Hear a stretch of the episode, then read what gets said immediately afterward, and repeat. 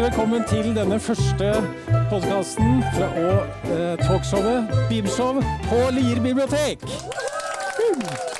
Ja, fa fantastisk eh, å ha publikum her, og eh, vi håper også at dere som hører på, vil kose dere. Eh, målsetningen med Bibelshow er jo å på en måte kopiere alle typer talkshow i ett, så dere får alt det beste her på Lier bibliotek. Og da starter vi med ukas eh, viktigste nyheter. Eh, nylig kunne, kunne vi lese i Lieposten at ordføreren har kjøpt februars dyreste hus i Lier. Det mest sjokkerende med den nyheten er ikke prisen på 15,5 millioner, men beliggenheten på nøstet. For, for den prisen kunne hun jo fått en sokkelleilighet på Utsikten. Lierposten avslørte nylig et økonomisk sjokkresultat for Lier kommune. Et overskudd på hele 124 millioner kroner i fjor. Dette ble omtalt som meget alvorlig. Det liker vi ikke, og vi tar ansvar. Etter sendingen så vil hver og enkelt av dere få 1 million kroner ved utgangen, og jeg tar resten. Jeg er veldig takknemlig for gjestene som har kommet her i, dag, og for publikum. Og hvem er det som er mest redde, og hva er det vi føler nå? Eh, det jeg er mest redd for, er at dere skal bli sinte. Vi skal ha sju gjester. Vi skal innom tema som dere ikke visste at dere lurte på. Som dere kanskje vil snakke videre om senere. Jeg tror egentlig at vi bare skal kjøre i gang med en gang med første gjest. Jeg ønsket at den spalten skulle hete Fastlegen. Jeg har lyst til å snakke litt om meg sjøl. Det er så mye jeg lurer på om min egen kropp. Og så spurte jeg fastlegen, men han hadde jo ikke tid. Det er jo fastlegekrise. Eh, men jeg var, var hos han, og så fikk jeg utskrevet noen medikamenter. Så jeg kommer tilbake til hva det var. Eh, og da måtte jeg gå på biblioteket og hente disse medikamentene mine. Og der traff jeg en eh, farmasøyt som var så flink, og som på en måte uh, Hun var så flink til å snakke og fortelle meg uh, og gi meg råd. Og da gikk det opp for meg men hvorfor kan ikke hun komme som gjest på Bibshow? Og det sa hun ja til. Mine damer og herrer, ønsk velkommen Elin Dale Jacobs.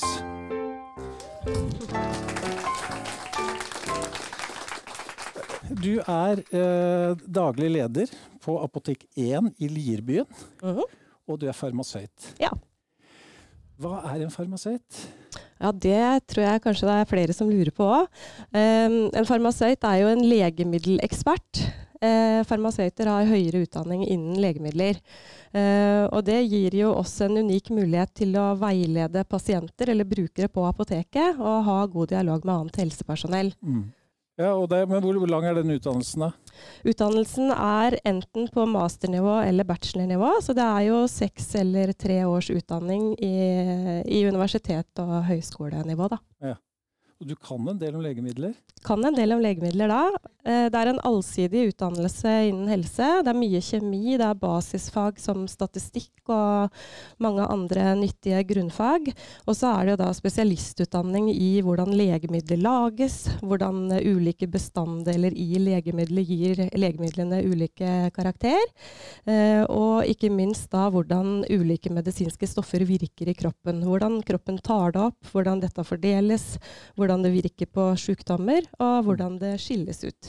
Det er ganske alvorlig dette med legemidler? Det er eh, omfattende, og det er viktig, og det er eh, mange ting med det som gjør at det er viktig å ha riktige fagfolk inne. Både leger, farmasøyter, sykepleiere og andre. Mm. Uh, og det jeg syns er så spennende med å, å, drive apotek i et bygdesamfunn, er jo at en både treffer veldig mange hyggelige kunder, får én-til-én kontakt med dem. Uh, apotek er jo et lavterskeltilbud for helse.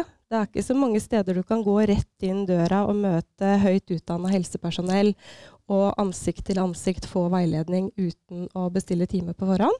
Men kan jeg gå bare inn på et apotek og stille et spørsmål om min helse? Det kan du absolutt. Og det er det mange som gjør. Og um, det gjør jo at, uh, at, farmasøyten har veldig høy tillit hos befolkningen som en legemiddelekspert. Og vi ser at uh, folk setter veldig pris på å kunne komme i apoteket og stille spørsmål eller å hente legemidlene sine. Mm. Og få veiledning og råd. Eller bli vist hvordan man skal bruke ting. F.eks. vist hvordan man skal bruke en inhalator hvis man har astma f.eks. Og du har også satt sprøyte på meg, du. Ja, ikke sant? Ja, visste du det? Nei, jeg visste ikke det. Nei. Nei, for jeg, var jo, jeg leste jo her at det gikk jo an å ta influensavaksine på apoteket. Mm. Og da var jeg der, og du har satt sprøyte på meg. Du var kjempeflink. Det er en viktig tjeneste. Ja. Eh, vi er jo opptatt av at eh, vaksinedekningen skal være god. Mm. Og for å få til det, så er det jo eh, viktig at det er enkelt for folk Mm. å få, få ordna med det. Mm. Og det, da er det bra at det er mange ulike kanaler som bidrar på det. Mm. Men du kan du mer enn leger? Er det noe du kan mer enn leger? Tør du å si det? Ja, ikke sant. Ja. Um, det er i hvert fall sånn at uh, farmasøyten har veldig, veldig omfattende kunnskap om legemidlers virkning og eh, hvordan ulike legemidler påvirker hverandre. Mm. Og det er eh, et tema der vi har veldig mye å bidra med eh, i forhold til både enkeltpasienter og i forhold til f.eks. på sykehjem og andre helseinstitusjoner. Mm. Eh, Det er jo mange som bruker mange legemidler, og veldig ofte så vil legemidler påvirke hverandre. Det ene slår ut det andre, på en måte. Det ene kan Ja. slå ut det andre, eller påvirke sånn at det blir mer bivirkninger eller dårligere effekt. Og det er jo et område hvor vi har veldig mye kompetanse. Eh, som et eksempel som, så kan det jo f.eks. være sånn at eh, en bruker et legemiddel mot høyt kolesterol som fastlegen har, eh, har skrevet ut. Og så pga. en infeksjon i ei tann, så går en til tannlegen og får en antibiotikakur. Og så kan de to påvirke hverandre veldig dramatisk. Og dette er jo ting som kan avdekkes på apoteket. Mm. Og, uh, Så svaret er ja, du kan mer enn leger på noe? Ja. Ja. Ja bra. Det er bra. En applaus for det. Ja. Du er stolt. Det er viktig å være stolt av, eh, av faget sitt. Men eh, jeg inviterte jo deg Jeg ønsker at du skal være en sånn fast gjest. eh, At du også skal komme neste gang, vi har så mye å snakke om. Ja. Men la oss begynne på toppen, da. Vi hopper over håravfallet mitt, men jeg vil at vi skal snakke om nesa mi. Fordi det er jo sånn at når du treffer mennesker, så og hvis det er noe unormalt med dem, om det er glassøye eller rød nese eller halter, så vil du alltid sitte og undre deg for hva er det med han? Hvorfor, hvorfor har han så rød nese? Eh, og da tenkte jeg at la oss eh, liksom få det svaret, så slipper dere å sitte og lure på det. Hvorfor har han så eh, rød nese? Det blir også kalt eh, eh, potetnese og likørnese. Eh, og det er flere enn meg som sliter med dette i Norge. Eh, hva, hvorfor har jeg så rød nese? Ja, ikke sant. Nå har du ikke så veldig rød nese i dag. Nei, fordi jeg var jo fikk medisiner av deg, og det har hjulpet Så veldig det bra. susen.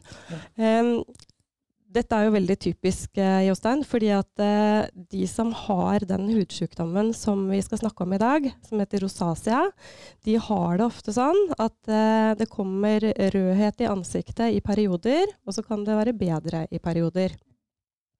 Eh, og det er jo sånn at uh, de typiske tegna på uh, rosacea, det er rødme i huden. Det kan være synlige blodkar, særlig i kinn og på nese. Noen får et rødt utslett, kanskje væskefylte blemmer i ansiktet. Og det er en, en inflammasjon, som vi sier, altså en betennelsesreaksjon i huden som gjør at huden blir rød. Mm. Hvor mange er det som har sliter med dette? Dette her er eh, ca. 10% av nordmenn, eller de som har den nordiske lyse hudtypen. Ca. 10% av de kan oppleve å få rosacea i løpet av livet. Og rosacea er jo en kronisk eh, hudsykdom. Det betyr at eh, en eh, må leve med det hvis en har fått det, men det betyr ikke nødvendigvis at det ser like synlig ut hele tida. Og det jeg tenkte vi kunne snakke litt om nå, er jo hvordan en kan holde dette litt i sjakk. Ja, det, fordi jeg har jo, når du har dette, så du sier jo det er 10% som, har, har, som plages av det. Mm. Men jeg vil si kanskje det er 90% av Norges befolkning som plages av det. For det er ikke så plagsomt å ha det, det er mer plagsomt å se på det. Men la oss eh, snakke litt om hvordan dette behandles. Ja, det kan vi gjøre. Eh, først og fremst vil jeg si at eh, de som kjenner seg igjen i de symptomene som jeg har nevnt, eller lurer på om det kan være rosacea de har, de bør jo gå til legen sin og få stilt en diagnose. For da kan en jo få, få riktig behandling. Og dette her bør behandles, fordi at da kan det roe seg og være, være uproblematisk i lange perioder. Da behandles det enten med legemidler på huden, altså lokalbehandling, eller noen ganger med antibiotikabehandling i tablettform. Og det er det jeg var og henta hos deg. Og det har du brukt. Ja. Og ofte så trenger en det i perioder, kanskje fire til åtte uker. Og så trenger en kanskje lokalbehandling i mellom kurer. Eh, I tillegg så er det viktig å vite om at en kan unngå å trigge sykdommen. Eh, det er jo selvfølgelig veldig individuelt, for dette er jo eh, det kan, Triggeret kan være forskjellig fra person til person, men det er typisk for rosacea-pasienten at man blir verre når man har vært i sterk sol. Derfor er det viktig å bruke en dagkrem med solfaktor eller en solkrem i ansiktet sitt. Det er typisk at man blir verre når man har spist sterk mat eller drukket rødvin, eller av og til også annen alkohol. Mm. Eller fysisk aktivitet. Fysisk aktivitet kan noen ganger trigge det. Der har du oppsummert mitt liv i tre Ikke sant? rødvin, fysisk aktivitet og krydret mat.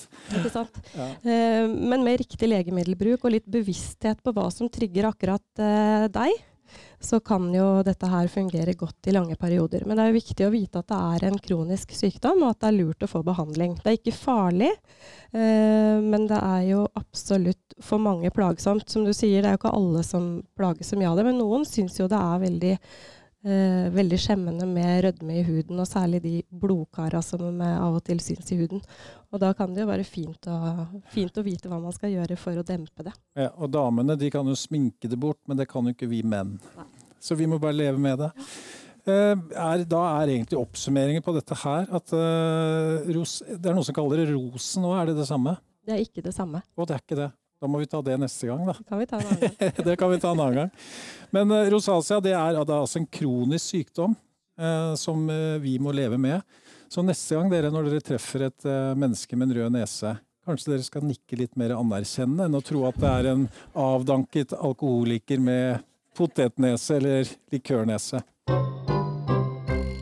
Eh, jeg vil gjerne ha det tilbake eh, neste sending, hvis du kan. Eh, og da har jeg lyst til å snakke litt mer om søvn og nei, sånn, sportsdrikker og sånn. Det er temaer som opptar mange, i hvert fall søvn. Ja. Det tror jeg mange har mange tanker om. Absolutt. Og så motvirker vi det med Red Bull, og så har du det gående. Bull Så det har vært veldig interessant å høre hva en farmasøyt sier om Red Bull. For det, der kan du jo lese deg til det du vil. Mm, Som med rødvin, du finner en artikkel som passer din livsstil. sant? Så kjører vi på. Greit å få helsepersonell til å sile litt informasjon som man finner, vet du. Det er det, og det er derfor jeg er så utrolig glad for at du er med oss, eh, Elin. Og du hadde jo, eh, våre gjester, du hadde jo med deg noe her. Vi har en kurv her nå, fordi vi tenkte første sending så skal vi trekke ut en vinner av en premie blant dere publikum. Og denne kurven kommer til å fylles utover uh, denne timen. Og så skal vi trekke en vinner etterpå. Og du får et lodd, lodd nummer én, som gave.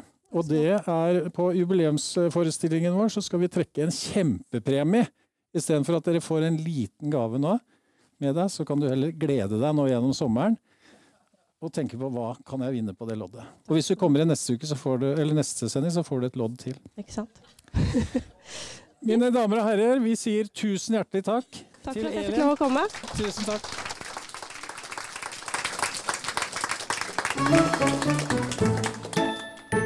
Jeg er kommet til eh, nok en eh, flott gjest.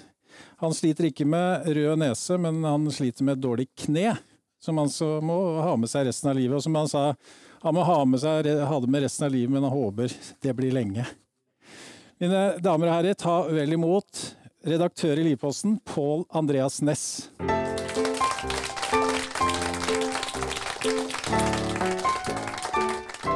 Du har lyd Pål? Jeg har lyd. Ja, og du tok med deg en eh, Hva var det du hadde med deg, da? Litt drikke. Ja. Da har vi fått en ansiktskrem, og vi har fått et pledd og litt drikke. Farmasøytvennlig drikke. Ja, det er bra. Eh, Pål, takk for at du kommer hit til oss. Takk for at jeg ble invitert. Det er jo ikke en selvfølge, for det, det jeg lurer litt på er uh, egentlig litt nysgjerrig på Liposten nå. Vi alle liunger, og egentlig alle nordmenn, er jo glad, er så, blitt så glad i lokalpressen. Dere, dere er blitt så viktig for oss, fordi uh, den nasjonale pressen har liksom smuldret litt opp. Og så setter vi veldig pris på å ha en lokalpresse. Eh, og da lurer jeg liksom på hvordan går det egentlig med dere? hvordan det går med oss. Eh, det, går, eh, det går ganske bra. Og du gjør det? Ja. ja. men det er jo riktig det at mange, altså nordmenn er glad i lokalaviser. Det er mange lokalaviser i Norge. Og Livposten er en av dem, da. Så vi Nei, vi har det bra. I fjor så vi har flere abonnenter enn noen gang. Vi Hvor mange da? Ca. 3700. Er ikke det ganske dårlig? Altså, det er jo 25 000, er det ikke 25 000 i denne kommunen? Syns jeg nesa di blir litt rød der borte. Jo, du, jo altså du, du, du kan si at det er jo, det er jo, ikke, det er jo, ikke, det er jo ikke landets største lokalavis. Nei. Det er det ikke. Jeg tenkte prosentvis. Prosentvis, ja. ja nei, vi har, vi, har, vi har jo konkurranse med Drammens Tidende. Eh, nå er vi ca. like store i Lier. Eh, sånn var det ikke bestandig. Eller sånn har det ikke vært. Eh, men men Drammens Tidende har alltid stått, eh, stått sterkt i Lier. eh, Så ja. Men eh, nei, det er det vi har, da. Vi har en husstandsdekning på ca. 30% Ja. Fordi du er nødt til å få penger inn i kassa for å lønne eh, dine ja. folk. ja, vi er jo et ordinært AS. Vi er jo en butikk. Mm. Hvor mye koster det å gi ut en papiravis? Hvor mye veier en fisk? Eh, Det er, eh, det er veldig vanskelig. Altså, er, hvor, altså vi bruker For å trykke en, for å trykke en ukesutgave av Livposten, så bruker vi ca. 15 000 kroner. Ja. Hvis du skal ha svar på det, i den grad Ja, ja. det var forståelig. Um, Men ja. Hvor lenge kommer du til å holde på med det med, med papiravis? For, det, for meg så er det en slags sånn oppsummering på ukas nyheter på nett. Altså Jeg blar igjen og ser om jeg har fått med alt, og det har jeg alltid. Ja. Er, det en bevisst strategi at dere ser at eh, dere er nødt til å være ute på nett tidlig, og ikke kan holde igjen nyheter til torsdag? Uh, ja, altså både òg. altså hendelsesnyheter, nyheter som Aktualitetssaker må vi jo publisere. Det gjorde vi altså for 15 år siden, før vi var eh, aktive på, på digitalt. eh, så, så kunne vi produsere en nyhetssak. Altså jeg husker en av de første sportssakene. Det var, eh, da var det Liung, Lier spilte mot Liungen fotball. Det skjedde på fredagen. Og så kom Lierposten på papir ut på torsdag. og Da var tittelen 'Lier slo Liungen'. 1-0. Ja. Og det er klart at når det kommer ut seks dager etterpå, så er, det, så er ikke det du liksom Det er ikke målet. Eh, men nå er vi der at vi publiserer det med en gang. Og det er veldig mye aktualitetsstoff. eh, Hendelsesnyhetene Ja, Hvis jeg sier nå f.eks.: Se hvem som søkte som skogbrukssjef. Se hvem som kjøpte eiendommer i februar. Og så videre. Ja. Er, det, er dette ting du egentlig er stolt av, eller er det ting du, vet, du må gjøre fordi du vet du får mye klikk på det? Eh, Det er ikke noe journalistisk skup, men, eh, men eh, vi, har, vi har jo alltid, vi har alltid brakt lister, søkelister, eiendoms... Jeg er inne og ser på dem. jeg ser hvem som tjente mest i Ja. din årgang. Men det med clickbait, det, er en sånn, det er en sånn uh... Ja, La oss forklare, snakke litt om det og forklare publikum dette her med clickbait. Altså, fordi Før så hadde du en forside på avisen hvis du var løssalgsavis, og den måtte være mest mulig interessant for at du skulle kjøpe avisen. Som vi Ja. ser Dagbladet og VG nå. Eh, 30 måter å få bedre potens på, så kjøper du den. Men, eh, men det er verre enn eh, eiendomsoverdragelser. ja, men, men Lieposten, dere har 3000 abonnenter og er også 3700, vi er litt presise når vi Ja, er på nesten 4000. Ja, nesten 4000. Det er det vi, vi teller. I media teller vi én, to, mange. Ja. Mm. Men dere er, jeg oppfatter dere som veldig sånn at dere har endret litt stil og blitt sånn clickbait-aktig dere òg, stemmer det? Nei, eh, det gjør det ikke. Eh, sånn, det kommer an på hvordan man definerer clickbait. Altså, clickbait blir gjerne definert som at tittelen på front eller på forsida da, den, den indikerer noe annet enn det som er selve saken. At du trigger, at du, går, at du ikke har dekning. Eh, for- eh, vurderer å brøyte jernbanelinja. Ja. Ja. Og da går jo alle inn og ser, for de tenker jo også Å ja, det var fra Reisa til Libya. Jo, men altså, det er en grense for hvor langt presisjonsnivå strekker seg på titler. Det er det. Men sånn som i det eksempelet du nevnte innledningsvis, da, med, med overskuddet i Lier kommune. Uh, også dette er alvorlig. Uh, det er klart at det er- fenger jo det gjør, det gjør man, at, at man kan bli litt nysgjerrig, f.eks. Mm. Men det som er alvorlig, er jo ikke at overskuddet er på 124 millioner. Det som er alvorlig, er at ikke mer av penga er brukt. Det er jo det som er eh, Ja, sånn er det hjemme hos meg også. Hver, så- ja. Sånn er det. Vi som alle andre ønsker at våre abonnenter skal lese sakene våre. Eh, og det jeg har en sånn, stadig en liten dialog med, med, med både sport og kultur, eh, som vi har kanskje størst utfordringer på. Eh, hvor da Ja, vi kan jo skrive en forhåndssak om det arrangementet. Så vi vil, ha, vi vil gjerne ha noe mer. Altså, er det noe mer? Hvem kommer? Er det noe mer? Er det noen historier som vi kan skrive om? Og da sier de f.eks. at ja, dere er bare på jakt etter clickbait. Nei, vi er ikke på jakt etter clickbait. Vi er på jakt etter å få folk til å lese artiklene våre. Og det er bra for oss, men det er også bra for deg. For jo flere som leser den forhåndssaken til uh, kulturbegivenheten på Kulturscenen, jo flere, altså større er sjansen for at flere kommer. Så det er en sånn felles interesse om å få lest sakene. Det er bare det at hvis vi lager en sak på at eh, person A gjør B, så er ikke det så veldig interessant. Det er ikke så mange, og det vet, altså vi ser jo på lesertall. Men hvis vi kan få litt mer passion, litt mer følelse, litt mer en historie bak, så, så fenger det litt mer. Og det er noe som kan defineres som clickbait, men jeg syns ikke det er clickbait. Clickbait er mer det eksempelet du nevnte. Som fra mm. Men ja. uh, bare et Det var et langt svar. Ja, men det var et bra svar. Ja, Forsto du det? Applaus. Ja. Det er bra. Nei, for vi, vi, er litt ute. Jeg er jo så, jeg er så glad i Lipåsen, så jeg er litt redd for eh, redd for dere. Ja. For at dere skal bli eh, for sånn tabloide. Og så leste jeg her nå en sak forrige uke. Her gikk halvparten av, eh, av boligene unna ved første visning. Dette gikk mye bedre enn forventet. Det, og den type har jeg sett før. Er det noe du får betalt for å skrive? Altså for det, det er jo nesten en sånn salgs og da går alle inn Oi, der, ja. Ja, men Det med, det med bolig eiendomsstoff er jo Så Det er sikkert mange som lurer på det. Ja, selvfølgelig får vi ikke noe betalt. Altså, det, ligger jo hele, det ligger jo hele det redaktørstyrte mediet, altså hele konseptet. Altså det å være, være fri og uavhengig er at vi tar jo selvfølgelig ikke betalt for å skrive artikler.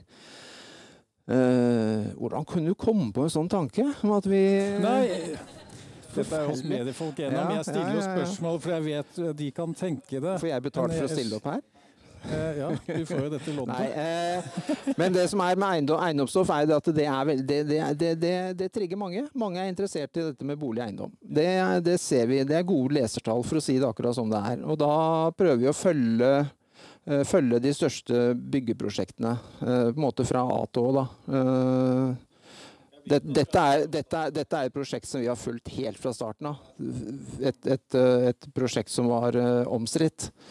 Og nå er vi kommet dit at det står ferdig, og det er solgt. Halvparten er solgt. Og ja, tenker at det er en fin nyhet. ja, det er sikkert mange som leser om det. Jeg bare stiller de det er jo det som er Bib eh, Bibshow. Altså, jeg stiller bare de spørsmålene vi lurer på. Ja. Og så får vi de gode svarene, da. Ja, det var det, da. Men det er veldig fint at du stiller de, de spørsmålene det du lurer på. For det er eh, Det motsatte hadde vært mye verre. ja. Og det kan vi jo si til lytterne. Og hvis dere har noen spørsmål, så er det bare å sende de inn til Bibshow, så skal vi ta opp det, vi, da. Um, ok, men vi må gjøre oss klar til neste gjest, og jeg vet uh, at du har hatt en drøm om å være sånn sidekick. Det er jo i, i, Jeg som driver med talkshow, kan forklare hva det er. Da. Det er når det er to programledere som liksom spiller litt ball med hverandre. Mm. Eh, og da eh, skal vi invitere vår neste gjest inn eh, og opp på scenen her. Og det er ingen ringere enn vår eh, ordfører. Eh, Gunn Cecilie Ringdal, velkommen. Da kan du sette deg bort sånn. Takk skal du ha. Velkommen, Gunn Cecilie. Tusen takk, Jostein. Hva er det du hadde med deg til folket? En kopp som jeg har tatt fra rådhuset, så jeg tror det er noen som blir sinna på meg. Og så har jeg også tatt med to sånne teposer. Den ene for energi, og den andre for å roe seg litt ned. Så flott. Og da kan vi nevne for de som ikke ser dette, at koppen er ren. Ja. Den er ny. Ja, den er rein. Ja. Um, Eh, velkommen til oss, og takk for at du tar deg tid. Du har jo veldig mye å holde på med om dagen. Ja, det er jo sånn dette livet er. Ja. Ja, denne uka er faktisk ganske rolig, da. Ja. Hvordan er en sånn typisk uke som ordfører? Det er ikke noe typisk uke, egentlig. Nei. Driver med alt fra A til Å. Det tror jeg jeg tør å påstå. Men har du bestemt deg for at dette nå er det nok? Nei, det er ikke sånn at jeg har bestemt meg for at, uh, for at nå er det i Lilleposten. Nei, det sto ikke 'nå er det nok'. Nei, det sto ikke Nei, nå det er nok, nei men da hadde en hyggelig Nei, ja. samtale med Pål om det, altså. linjene, da. Ja. Jeg har en god tone med Pål, eh, så det, det var ikke det det sto. Nei. Men eh, det sto at jeg ikke tar gjenvalg. Um, og det handler ikke om at uh, nå er det nok, men det handler om at uh, noen ganger så må man finne ut av uh, Eller det er som de sier, alt til sin tid. Ja. Det er vel det enkle svaret. For du er, du er jo egentlig jurist Ja. Og advokat. og advokat. Mm. Har du drevet som egen praksis, på en måte? Har du vært sånn, for, sånn som vi ser i retten og sånn? Jeg har vært i retten mange ganger. Ja, du Ja, har ja. det? Det har jeg. Og prosedert saker med kappe og full pakke. Ja. Ja. Jeg er sikker på at du var kjempeflink. Det må du spørre noen andre om. Ja, Vi skal snakke litt om eh, kriminalitet helt til slutt i sendingen her. Men jeg har ikke vært forsvarsadvokat. Så da lærte du noe nytt. Det, det fins mange saker å gå i retten med. Eller jeg skal ikke Ja, si du, at du jeg- lærte noe nytt, det er stygt å si. Nei, for jeg er dommer, faktisk, i tingretten. Så kom Du har her. aldri dømt i de sakene jeg har vært i, da, i hvert fall. Nei. Nei. Jeg var i sivile saker, ja. ja. ja. Mm. Jeg bare lurer på en ting. Du skal, du skal da øh, gå av eller ikke ta gjenvalg, som det heter, etter åtte år. Åtte år er jo ganske lang tid i yrkeslivet. Men Mm. hva er, det folk lurer på? Er det sånn Hvorfor går du av nå? Er det, er det, er det, det må, må du på en måte forsvare at du ikke tar gjenvalg? Nei, det har vært veldig mange hyggelige tilbakemeldinger, da. Eh, Det må jeg si først. Og så er det jo litt vemodig for meg òg. Og så er jo jeg et sånt følelsesmenneske, så jeg blir jo litt sånn at vi skal prate om det nå, syns jeg er litt vanskelig. Men eh, fordi at det å være ordfører har jo gitt meg vanvittig masse flotte erfaringer og opplevelser. Og ikke minst møter med, med mennesker i sånne her settinger eller i andre settinger. Mm. Eh, så jeg har fått mange, mange hyggelige tilbakemeldinger, først og fremst på at det har vært fint å ha meg som ordfører, og det setter jeg stor pris på. Og så sier folk at de skjønner det, og ja. Så jeg det, er det det ligger en forståelse der. Ja. ja. Men det er jo bra, da. Og så har jeg også sagt at eh, For jeg har jo litt eh, jeg, er jo litt sånn klar av dette, holde meg unna lokalpolitikken. jeg har jo vært med i lokalpolitikken siden jeg fikk stemmerett, ikke sant. Jeg har vært med i eh, kommunestyret fra 1999, siden jeg var 19 år. Så jeg har 20 års erfaring, da, for jeg var en periode jeg ikke var med, men da var jeg jo med i politikken likevel. Så jeg holdt på med dette hele mitt voksne liv. Så jeg veit ikke om et annet liv enn å gå på masse møter og greier på kvelden. Men så er det én ting jeg bare må få lov til å si. For vi, vi snakker jo som Og jeg tror også jeg formulerte sånn da vi skrev denne saken, som at, eh, at du ikke tar gjenvalg, og at du ikke fortsetter som ordfører. Men det er ikke automatikk at man fortsetter som ordfører. Det er et valg imellom her. Så det, du, ja, ikke sant? Så, men jeg tenker sånn, når, når vi kommuniserer eller prater om det, så, er, så, er, så, så ordlegger vi oss akkurat som om, om det er en automatikk at man bare viderefører den ordførerperioden. Men sånn er det faktisk ikke. Og det har jeg un understreka til alle de som sier det til meg, så det er et veldig godt poeng, Pål. Mm. Mhm. Nei, men det er, det er jo sant. Vi blir jo veldig glad i, i ordføreren vår. Det er mulig du er for ung, rett og slett. For det er jo, Men det som er er jo gøy, ikke da- vanlig å gå i kommunestyret før du har et grått hår og Men nå begynner jeg å få veldig mye grått hår, faktisk. Men Ja. jeg skal ikke Ja, du har hår, du har hår da, i det. hvert fall. men, eh, men eh, hva var det jeg skulle si? Jo, jeg har jo 20 år eh, erfaring fra å sitte i kommunestyret, eh, og enda flere år da med politikk. Mm. Eh, Men hvis jeg har en pause nå f.eks. i ti år, da, så kommer jeg tilbake igjen i en alder av 53. Ja. Da er jeg faktisk fortsatt ganske ung i det kommunestyret. Ja, det er det.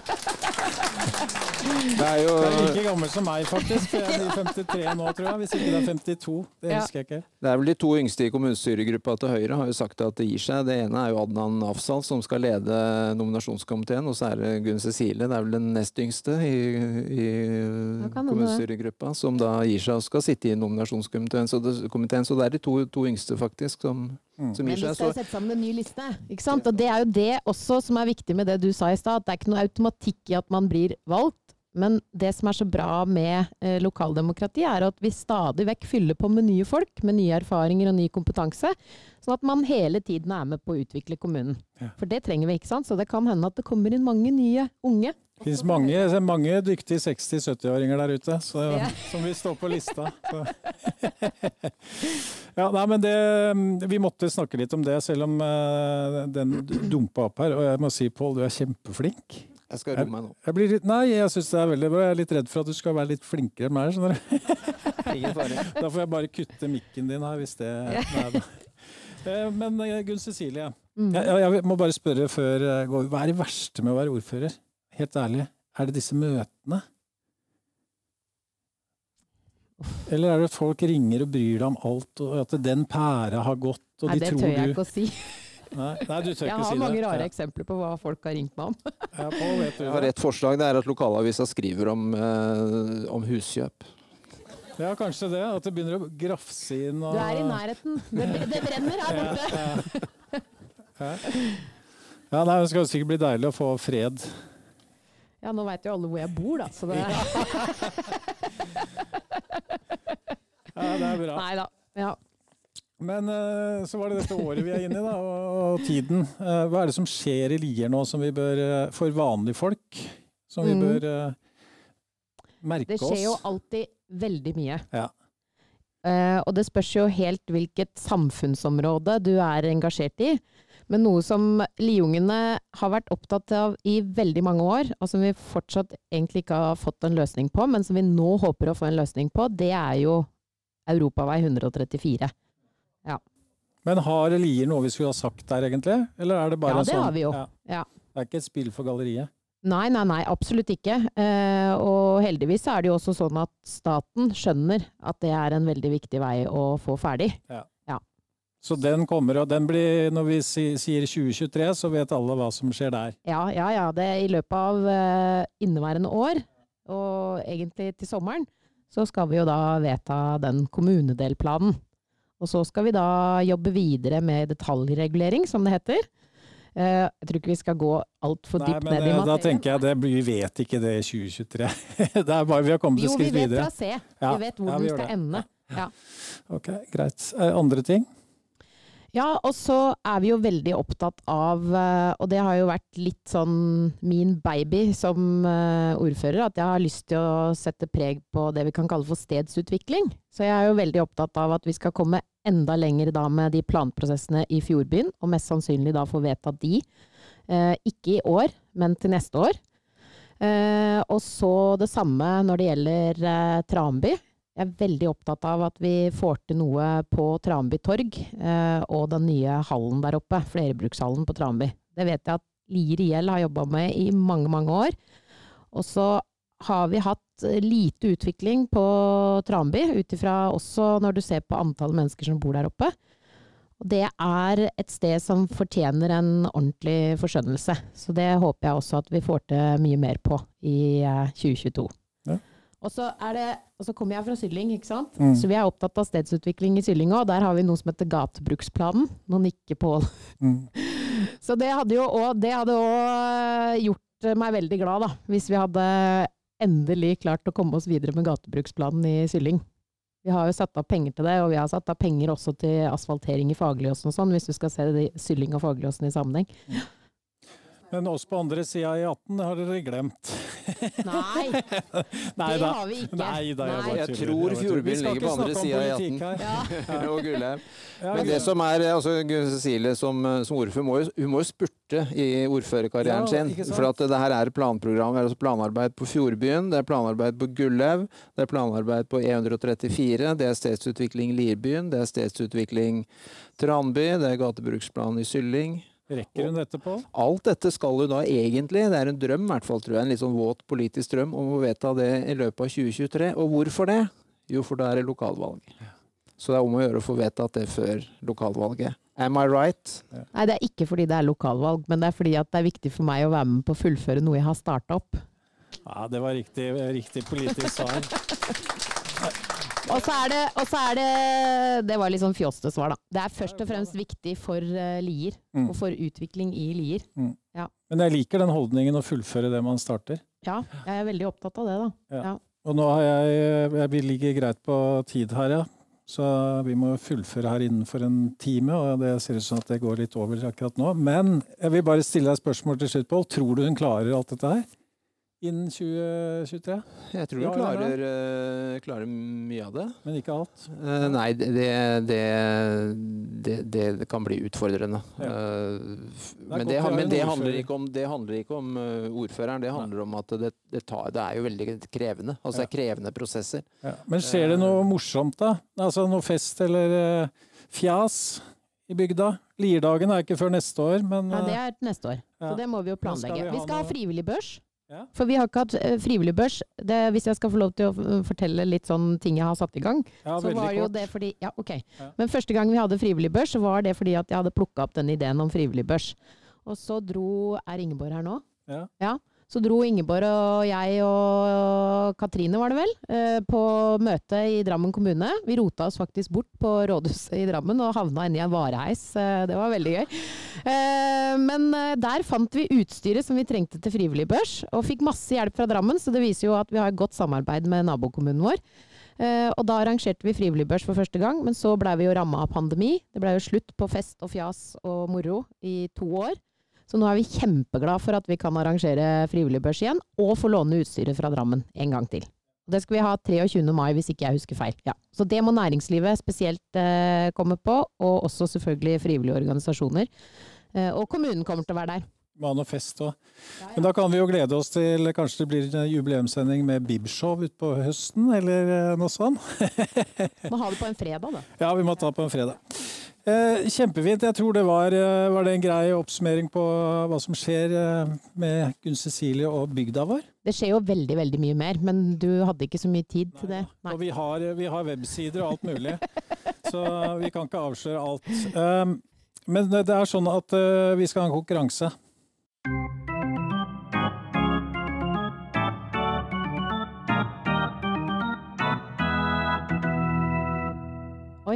Eh, Ja. For jeg lov, har lovt at vi skal ha konkurranse, og det er en tegnekonkurranse.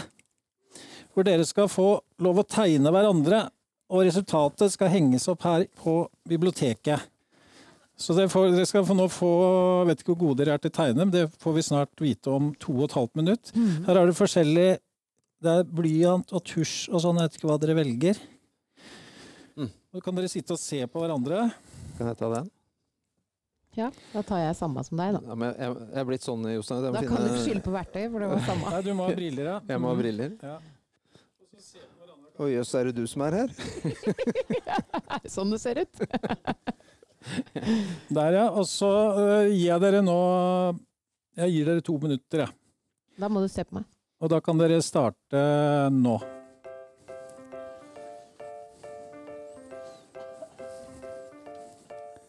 Ja, Gunn Cecilie hun begynner med kjakepartiet, mens Pål han begynner med håret. ja. Mm.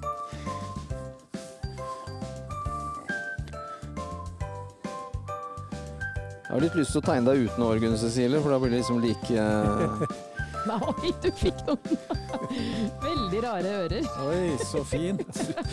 Du har ikke viskelær. Du, det hakepartiet her kan Jeg ikke. jeg, må se på Få se Sånn, ja.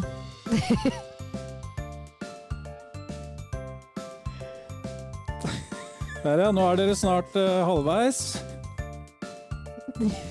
Går det bra med dere her? Oi, se på dette her. Det ser ut som en krysning av Karius og Baktus. Få se på du nå.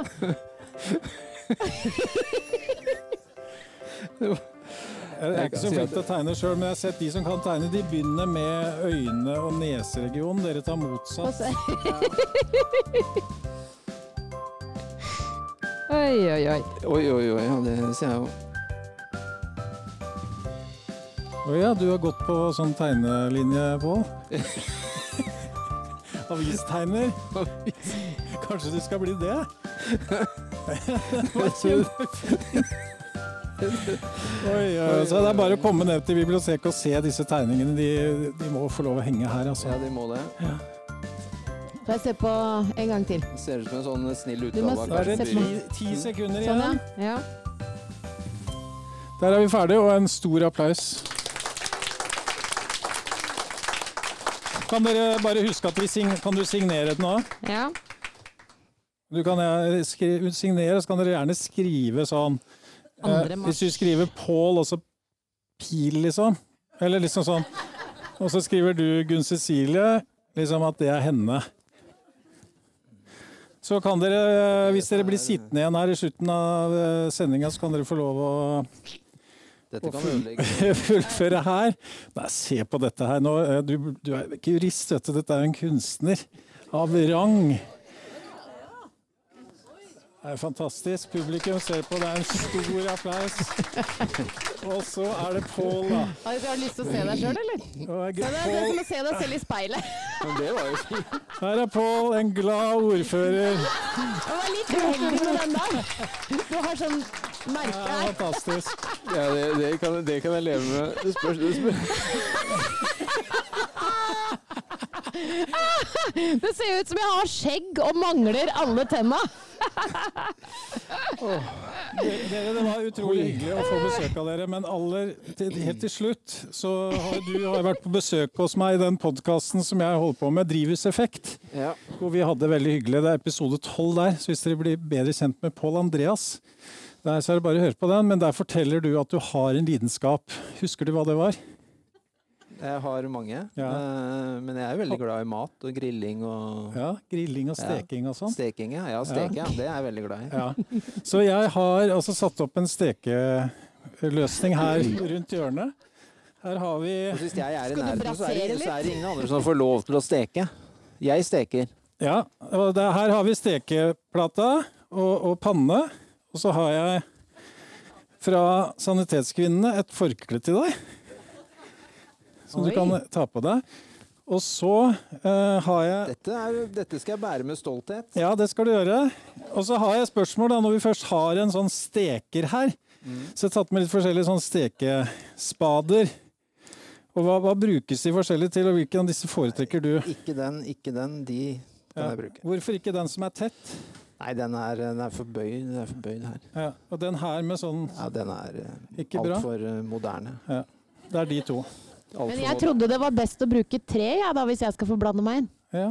Fordi at det er mikroplast i den der, og det eh, går jo mikroplast av den derre eh, i steikepanna ut i havet, for eksempel, når du vasker opp.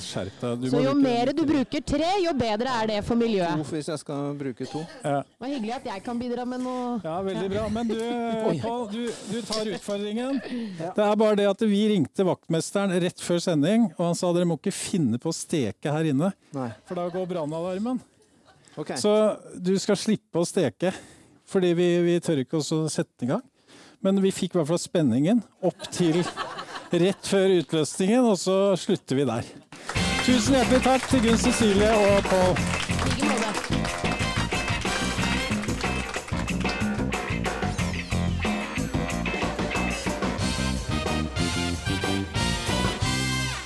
Jeg lurer på om vi skal eh, ta og synge bursdagssangen. Skal vi gjøre det? Fordi eh, nå skal vi inn i, et, et, eh, et eh, Å snakke om frivillighet og dugnadsinnsats. Og eh, da er det sånn at jeg vet at en av gjestene her er en uh, ildsjel som står på med dugnadsinnsats dag og natt store deler av eh, sin tid. Og hun blir 80 år på eh, lørdag. Oi, da sier hun Anne Marie, som da jobber dag og natt på Bygdetunet.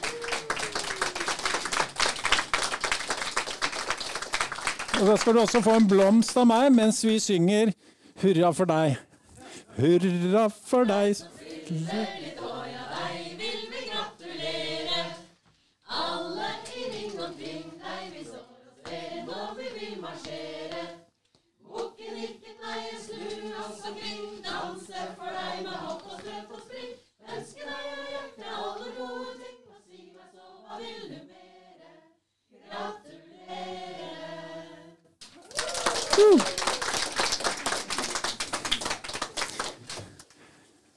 Det var vel fortjent. Du visste ikke om det, Anne Marie. Men jeg hørte at du sa at du kanskje ikke kunne komme fordi du ble 80 på lørdagen. Det var hyggelig at du kom. Glemte jeg å gi loddene til forrige gjestene, da tar jeg bare de selv. Eh, Nå, dere, nå skal vi snakke litt om frivillighet og dugnadsinnsats. dugnadsånd. Og det er jo sånn at det er også frivillighetens år i år. Eh, For oss som driver med frivillighet, så er det frivillighetens år hvert år. Eh, Men i år så skal det markeres på et eller annet vis. Og da ønsker jeg at vi aller først, nå skal vi ha tre gjester inn i sofaen, tar, eh, ønsker velkommen til Kari Tomine Isene. Ja. Velkommen. Glemte jeg et navn? Ja, Bodnar heter jeg også. Bodnar. Er det dårlig lyd på din? Ja. Kari Tomine, du har med deg en gave, du òg. Ikke nå heller? Der er Jo, nå kommer den. Den er litt forsinka. Ja. Jeg har òg med meg en, en kopp, da. Ja. Frivilligsentralen. Også noen fine kulepenner med telefonnummer og e-post til de Frivilligsentralen. ja. Så bra. Så jeg har ikke med noe te eller kaffe, da. Men da jeg tar litt lireppel i den, da. Dette, dette blir mer og mer stas. Vi har, vi har tenkt på hvordan vi skal trekke vinneren. Ja, det har vi. Eh, Da kan det, vi tar neste gjest med en gang, så vi fyller sofaen her. Og det er eh, vår alles Grete Gilje, som representerer ja, Det er askeonsdag i dag, så dette er et fastelavnsris. ja, Varer helt til påske. ja. Ja. Og det Også er- det viktigste av alt her i verden. Litt beredskap. Refleks. Så flott. Dette blir jo den forundringspakken, da. Det blir flott. Og dette minner meg om noe som Elin og jeg har snakket om, at det er viktig å begynne å ta allergimedisin nå, for dere som eh, For det må du ta et par uker før, før det setter i gang. Eh, ok, da er det nesten fulltallig, men vi må vel ha en mann til en mann inn her for å få balanse i skuta. Og da er jeg så glad for å få tak i denne ildsjelen som eh, hadde tid i kveld. Eh, og det er Stig Asplid. Velkommen. Og hva er det du har med deg, Stig? Ja, nå skal vi se om vi har lyd først. Der. Der. Eh, jeg har med eh, det som jeg kaller for eh, eh, naive fotturister i Alaska. Eller bamsemums, da. Ja, tusen takk. Eh, aller først eh, presentere dere Kari Tomine. Du er eh, leder for Frivillighetssentralen Ja. i bygda vår. Det er jeg. Men det blir litt Du får tida til å gå. Ja, ja ikke problem.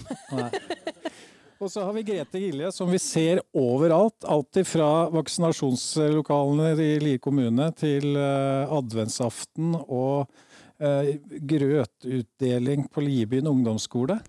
Ja, i hvert fall frokostlaging der, ja. Ja. ja.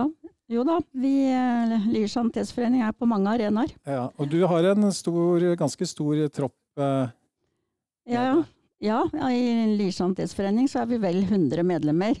Men i bygda så er det jo tre sanitetsforeninger. Det er så Sjåstad og Tranby har også Så til sammen er vi 250 til 300.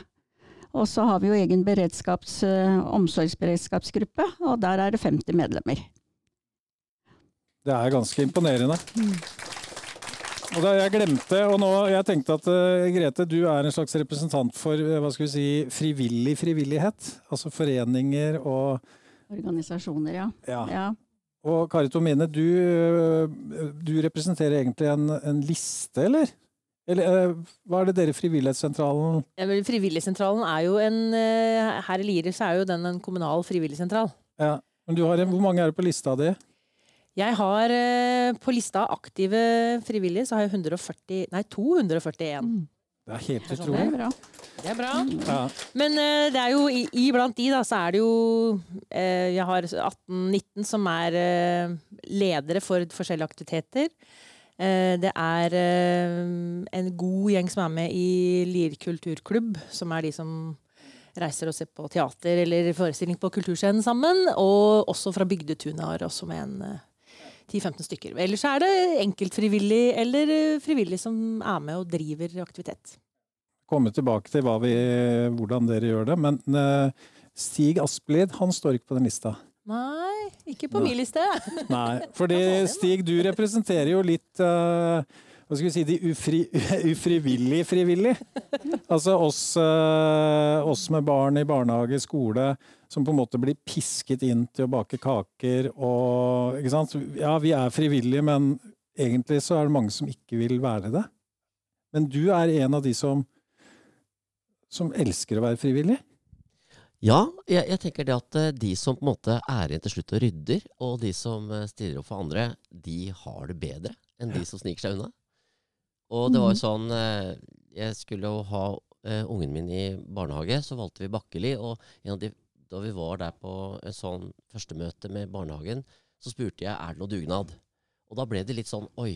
Eh, eh, så litt på skoa sine og tenkte hva skal vi svare eh, det, Ja, det hender det er en, en om sommeren, men det er bare én, altså. Det, og så er Grunnen til at jeg spør, er, er at jeg, fordi at jeg elsker dugnad. Så, så jeg hadde, jeg, håpet på at svaret er ja. Ja. Så, og det var du ikke helt forberedt på, tror jeg. Nei. For det finnes mange som da reklamerer med 'kom til oss, her er det dugnadsfritt'. Ja. Her slipper du. Og vi, vi kjenner jo alle til de som sitter hjemme når det er dugnad, i, om det er borettslaget eller i idrettsforeningen, som er stolt og glad for å slippe unna. Ja. Og det er liksom litt det jeg har lyst til å snakke om eh, med dere. Hvordan eh, Altså, hva er det de går glipp av? De som, som tror de slipper unna. Du sa, du sa det jo litt, eh, Stig. Ja? Ja, det er jo en glimrende måte å bli kjent med folk på, Mm. uh, som, uh, som er kanskje andre foreldre til barn som har, uh, som har med ditt barn å gjøre, og, og sånn. Eh, det er det ene. Så, og så er det jo deilig med å få, få seg litt god samvittighet. Og, og så tenker jeg at hva, er alter, hva tjener man på å snike seg unna?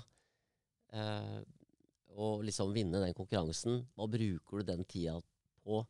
Liksom, det blir jo ofte at man bruker den tida man har spart på til å sitte og se på TV, eller, eller eh, ja, et eller annet ubrukelig, da. Så Hvordan er det med sanitetskvinnene? Hva er det som trigger dem? Det er vel først og fremst det å gjøre noe for andre. Og den fellesskapsfølelsen, å føle at du betyr noe og kan hjelpe andre. Mm. Er det sånn at eh, når du først blir en sanitetskvinne, så er du det livet ut? Eh, Det vil jeg nok tro mange er, ja. Ja. I hvert fall fordi at du, når du er organisas eh, en organisasjon som du fronter, da, så er det jo en tanke og en formålsparagraf, og altså du står noen tanker bak den jobben du gjør. Fordi vi er jo en stor organisasjon. Vi er over 40 000 medlemmer i Norge. Så vi, vi må jo på en måte Vi må jo fronte det som vår organisasjon står for. Ja. Ja. Du driver med mye annet òg, du. Du er ikke bare sanitetskvinne. Selv om det er mer enn nok. Det er nok mest Sanitetsforeningen, ja. Du holder på på Bygdetun, og du ja, ja. Jeg er litt der oppe også. Ja da. Ja. Mm. Er det sånn at det, det egentlig ikke er så mange dugnadsfolk, men at det er de samme vi treffer overalt? Jeg føler det er litt sånn Å ja, der er du, FAU, ja. Men ja, det- du er her òg. Det er vel litt sånn gammelt sagt. Hvis du skal få gjort noe, så skal du spørre en som har mye fra før av, for den organiserer inn tida si, og så blir det gjort. Ja. Ja. Og hva skal vi gjøre med det? Altså Hvis det ikke er hvis, hvis det er en slags utdødende rase, dette her. Gjør vi noe for å lære ungene våre jeg, jeg dugnadsånd? prøver jo, Jostein, å fortelle de ungdommene som jeg jobber med. Ja, for du, du jobber som lærer på videregående skole. Ja, stemmer. Jeg er dramalærer på St. Halvard videregående skole. Verdens beste skole. Eh, og der er, lager vi jo teaterforestillinger. Og da er det mye arbeid med det, med scenografi og kostymer og alt som skal til for å lage en teaterforestilling. Og da er det litt ujevnt hvor mye hver enkelt stiller opp. Så jeg prøver å si til de som da bruker opp det siste de har av energi, fordi jeg har jobba så hardt med å være sur på de som ikke har stilt opp like mye. Da tenker jeg at spar den energien, for du har vunnet. Du har det bedre, du lærer mer. Og den dagen du møter en arbeidsgiver, så er det du som får jobben, og ikke den latsekken. Mm. Så vær heller fornøyd med at du har vunnet. Veldig bra. Veldig bra. Mm. Og, det, og da tenker jeg litt på de, den lista di, Kari Tomine. Mm. Det er, er det helt sånne skal vi si, ensomme ulver det da, som har eh, ringt deg og sagt at du, jeg vil gjerne bidra med noe? Det er alt fra Altså, vi har jo alle aldre, for det første, da. Og det, det som er gøy, er at folk melder seg og har lyst til å være frivillig. Og under pandemien, som alle sier at ting har liksom gått litt ned, så har vi fått eh, ja, med, hvis vi tar begge åra, både 2020 og 2021, så har vi i hvert fall fått eh, 45 nye frivillige. Et par av de har kanskje falt av, men de har ønska å bidra. Fordi de, de ønsker å være med og gjøre noe for andre, og det syns jeg er kjempeflott. Mm. Så Og så er det et veldig fint tilbud, da, for det er sikkert en del av Kanskje ikke så mange som sitter her, men av de som lytter på, som ikke visste at det går faktisk an å å kontakte deg hvis man har lyst til å bidra. Og da er vi over på, uh, på noe av det neste. Hvor går grensen mellom det å, å være en frivillig og bidra til å bli utnyttet? For jeg kunne jo ringt og sagt du, jeg vil klippe plenen min hver uh, søndag. Ja, Og så kan du sende en frivillig. Da hadde nok jeg svart deg at uh, klarer ikke du det selv, på en måte? Fordi det er, handler jo litt om det at man skal ikke Vi skal ikke reise rundt til alle som ikke gidder å klippe plen sjøl, og klippe plen. Ja. Det, er, det skal, er litt sånn Men det er ikke alltid like lett å si ja eller nei heller. Det er veldig sjelden jeg sier nei, da. Men eh, akkurat til deg så tror jeg kanskje jeg hadde sagt at eh, nei, Jostein, det får du klare sjøl. Ja. Men har ikke du sett diagnosen min? Nei, nei, jeg har ikke det. Så Ja, og, så, og, da hvis vi, og jeg, jeg husker det var en ting som gjorde litt inntrykk på meg. Det var når jeg var og tok min eh, vaksine for covid-19. Så der traff jeg på Sanitetskvinnene. Det var vel ikke du som sto der, men det var en av Det kunne vært meg, for vi er mange som har uh, jobba der i, nå. ja, Og så så jeg Å, så flott å se dere her. Og så spurte jeg hva får dere for dette, da? For ingenting. Så tenkte jeg "Eh, det er, Da er det liksom på grensen, eller? Til liksom å bli utnytta, for dette var jo noe som samfunnet skulle gjøre. Og dere gir alle pengene deres til ungdomsarbeid i bygda. Blant annet. Men, jeg ja, flere ting. Men eh, det er jo For det første så oppleves nok det forskjellig om du blir utnytta eller ei. Men, men vi jobber jo frivillig, det er jo det vi snakker om nå. Og frivilligheten står i det at vi skal ikke ha noe lønn for den jobben vi gjør. Og i og med at vi er frivillige, så har du også retten til å si ja eller nei til den jobben. Nå skal sant sies at er det en organisasjon, så kan det være litt, vanskelig noen ganger, fordi du står jo bak et vedtak som skal gjennomføres, og du må på en måte gjøre det. Så, men det er jo det som er frivilligheten. Det er ikke dermed sagt at vi ikke kan motta påskjønnelse for at vi har gjort en god jobb, f.eks. som en takk. Men det, i utgangspunktet så er det jo ikke det. Så er det noe med lengden da, av den jobben. Og vi er jo veldig opptatt av at vi skal ikke ta jobben fra noen. Hvis det er noen der ute som trenger en jobb som burde få den jobben, så skal ikke vi ta den. Så det er også det med lengden av det engasjementet vi påtar oss. Men du, du skal få 124 millioner når du går ut døra her. Så er det løst. Høres ut som det er noen som kan begynne. skriver ut sjekken, da. Ja, ut. Bare skriv. ja. Nei, men, eh, men jeg også, har, har du følt noe på det, Stig? eh, Det der med ja, at du kan føle deg utnytta?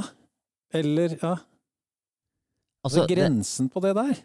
jeg føler egentlig da kanskje det at jeg har sagt for mye ja. Det kan jeg kjenne på. At liksom oi, nå blir det for mye, og da får jeg ikke gjort ting ordentlig. Så blir det halvveis. Eh, og når du har den grunnholdningen med svaret er ja, hva er spørsmålet, eh, så kan du gå på en smell der. Mm. Men det er, som du veldig tydelig sa, det er frivillig. Man kan si nei. Så lenge man kan si nei, og folk respekterer det, så, så syns jeg det er greit. Da, da må jeg bare skylde meg sjøl. Men, eh, men eh, man skal være litt forsiktig, og man skal alltid respektere det nei-et. Det tror jeg er viktig. Fordi Hvis ikke så blir det at man føler at man må, og da kan også det skade frivilligheten, tror jeg litt. Altså. Mm. Så det er, det er skjørt, det òg, som alt annet. Men uh, jøye meg, det er veldig fint at sånn som idrettsprisen har en frivillig pris som vel, henger veldig høyt, f.eks., og at det blir satt pris på eh, også eh, offentlig, på en måte. Mm. Eh, det tror jeg er veldig viktig. At man fortsetter med det. Fordi hvor ville kongeriket vårt vært uten frivillighet, altså? Det hadde vært stusslig, tror jeg. Det er nok et spørsmål, ja. Ja.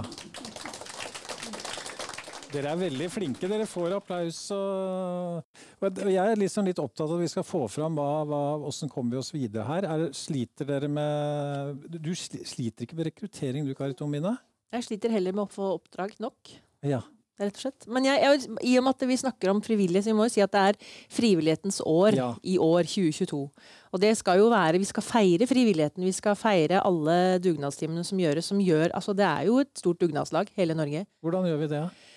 Eh, vi, det har jo vært det der koronaen da, som setter litt sånn eh, treghet i hjula. Men vi, vi oppfordrer jo alle lag og foreninger til å velge seg sin egen dag. Man kan søke Frivillighetens år eh, 2022. Det er, en, eh, det er jo eh, kronprins Haakon som er eh, Hva heter det for noe sånn Beskytter. beskytter? Mm. Den øvre beskytter. Og så er det jo penger i, fra um, staten som man kan søke om for å få dekka utgifter man vil ha i forhold til å ha en min eller vår dag, heter det da. Mm. Hvor man kan fortelle hva driver man med, hva, hva har vi lyst til å gjøre, hva får vi ikke til fordi vi ikke har nok folk, eller hva. Altså, rett og slett å feire de frivillige som bidrar i laget eller foreningen eller ja. Og hvem kommer på den uh, feiringen? Jo, det er de andre frivillige. Det er de andre frivillige. Ja, det er det rett Jo, men er ikke det Og så blir det da, så holder vi på da i den lille gruppa vår. Og, ja. Men nå har vi søkt, da, så vi får se hva som kommer Ja, ut av dette. søkt. Hva har dere tenkt å 30. april. Ja, feire maiblomsten. Ja. Og den dagen har vi og Jorunn har søkt, så nå får vi se hva det kommer ut av, om vi får noe penger. Ja, Kari har hjulpet. ja, Kari har hjulpet til. Ja, det er bra. Får vi se hva det blir. Det er nedsatt en komité, Ja, så får vi se hva det blir. det er bra. Ja. Altså, den en av de foreningene er det vi, vi søker ikke fordi vi har mer enn nok med å holde båten oppe, på en måte. Så det så på en måte blir litt sånn, be, eh, litt sånn belastning. Oi, skal vi det òg? Altså, vi, må, vi er i ferd med å synke her.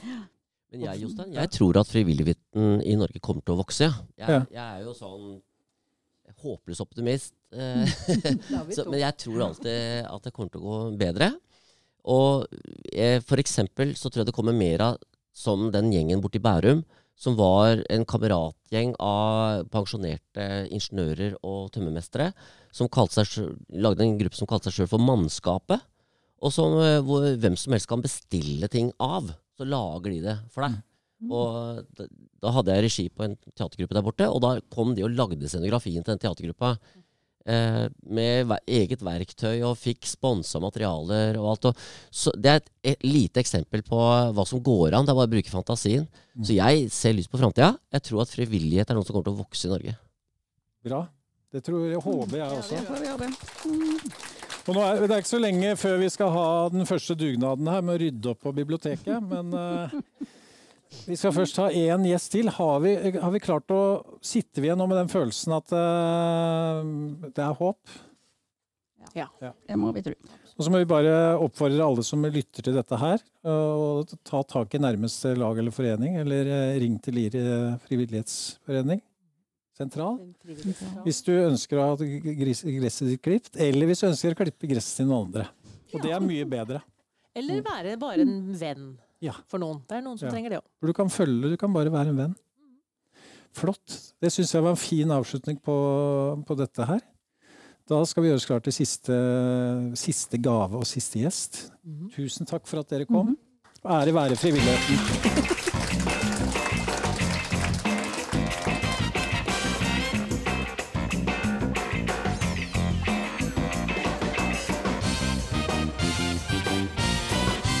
skal vi gjøre oss klar til en eh, Dette er også en, eh, en spalte som jeg håper skal bli fast. og det, Den har vi kalt for Nerden. Eller Nerd. Så vi skal få besøk av en eh, nerd eller nerd eh, hver gang. Og denne gangen så er det en kortreist eh, nerd. Eh, det, I hvert fall det vi skal snakke om, det er eh, true crime. eh, som er veldig i skuddet. Og hun er altså eh, har det som nerdfelt. I tillegg til at hun er nerd på eh, Grand Prix. Og eh, så er hun bibliotekar, da. Så hun er sikkert nerd på lesing òg. Mine damer og herrer, ta vel imot Siri Vigemyr.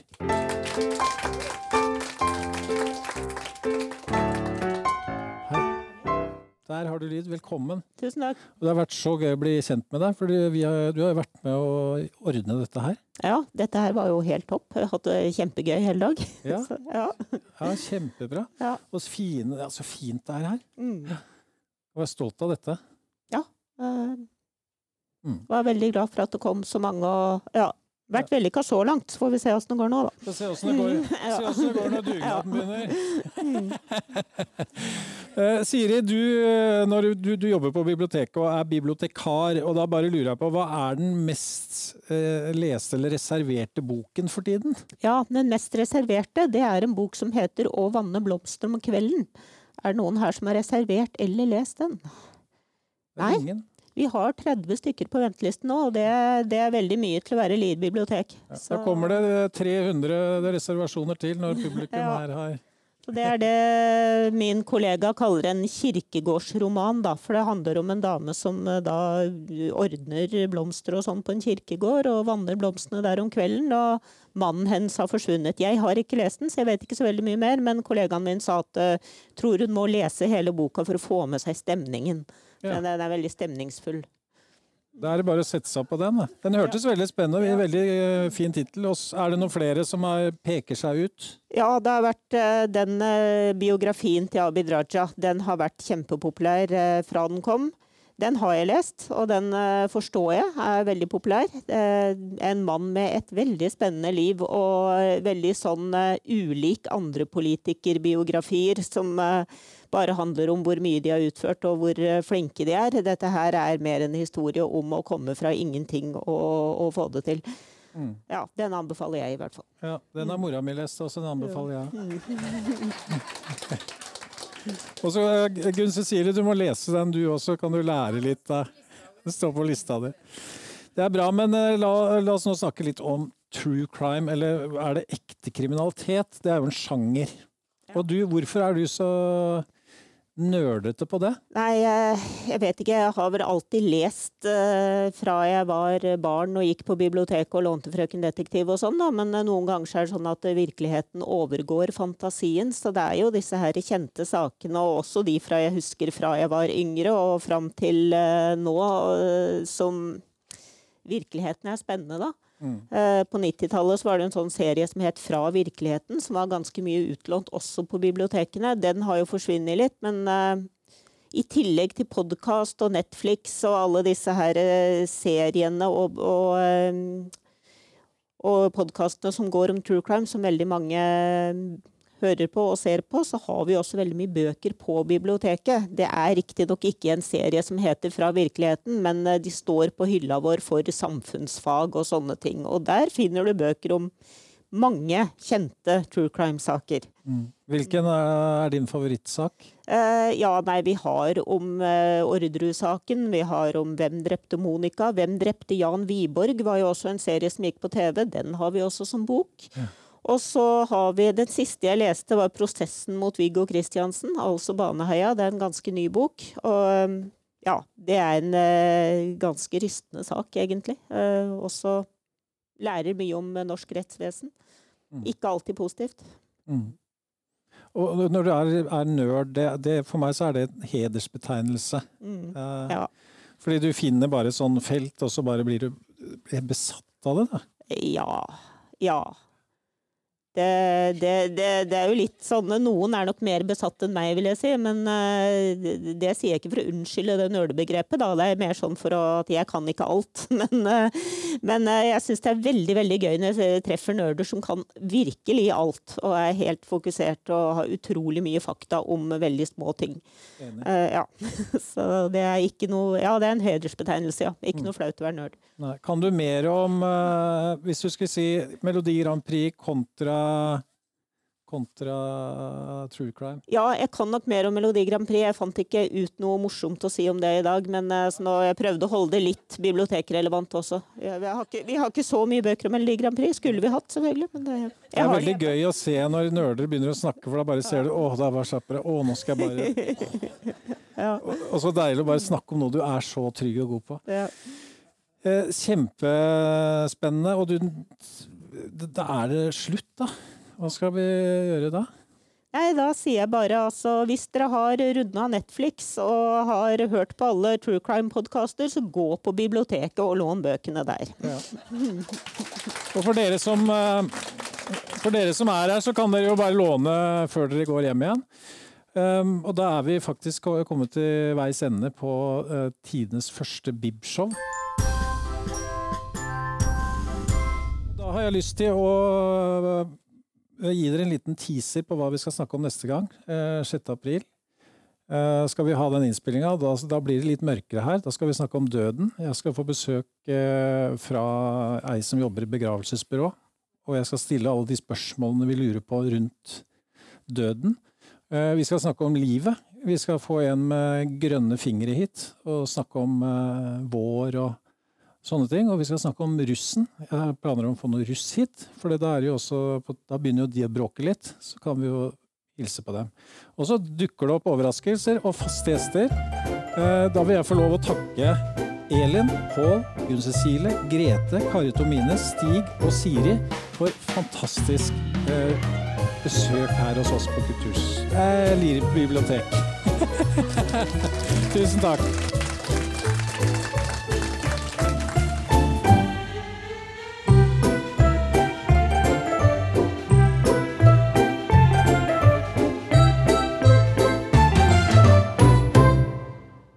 Hva syns dere om dette? Var det bra? Ja, supert. Dere må bare komme med- innspill og sånt til oss. Vi tar veldig dårlig på kritikk. Ja. Jeg vet ikke om jeg sa det til å begynne med, men eh, jeg er veldig takknemlig for Marte som ringte meg eh, fra sin dvale. Eh, og jeg satt hjemme med apati og, og hadde ikke lyst til å gjøre noe. Og så Marte litt de samme. Og så liksom, skal vi gjøre noe? Og da gjorde vi det bare, og det er, håper jeg er til inspirasjon for alle som sitter og, og ruger på noe, føler det er litt tungt å komme i gang etter denne tiden. Så er det bare å gi gass, og så skjer det som skjer. Ja, dette var det. Første episode er i boks, og jeg syns det gikk ganske greit. jeg. Veldig gøy med publikum, og jeg tror de også koste seg. Har du lyst til å være publikum, så er det bare å møte opp på Lier bibliotek 6. april klokken syv. Følg også med på lierbib.no. Så da håper jeg vi ses eller høres.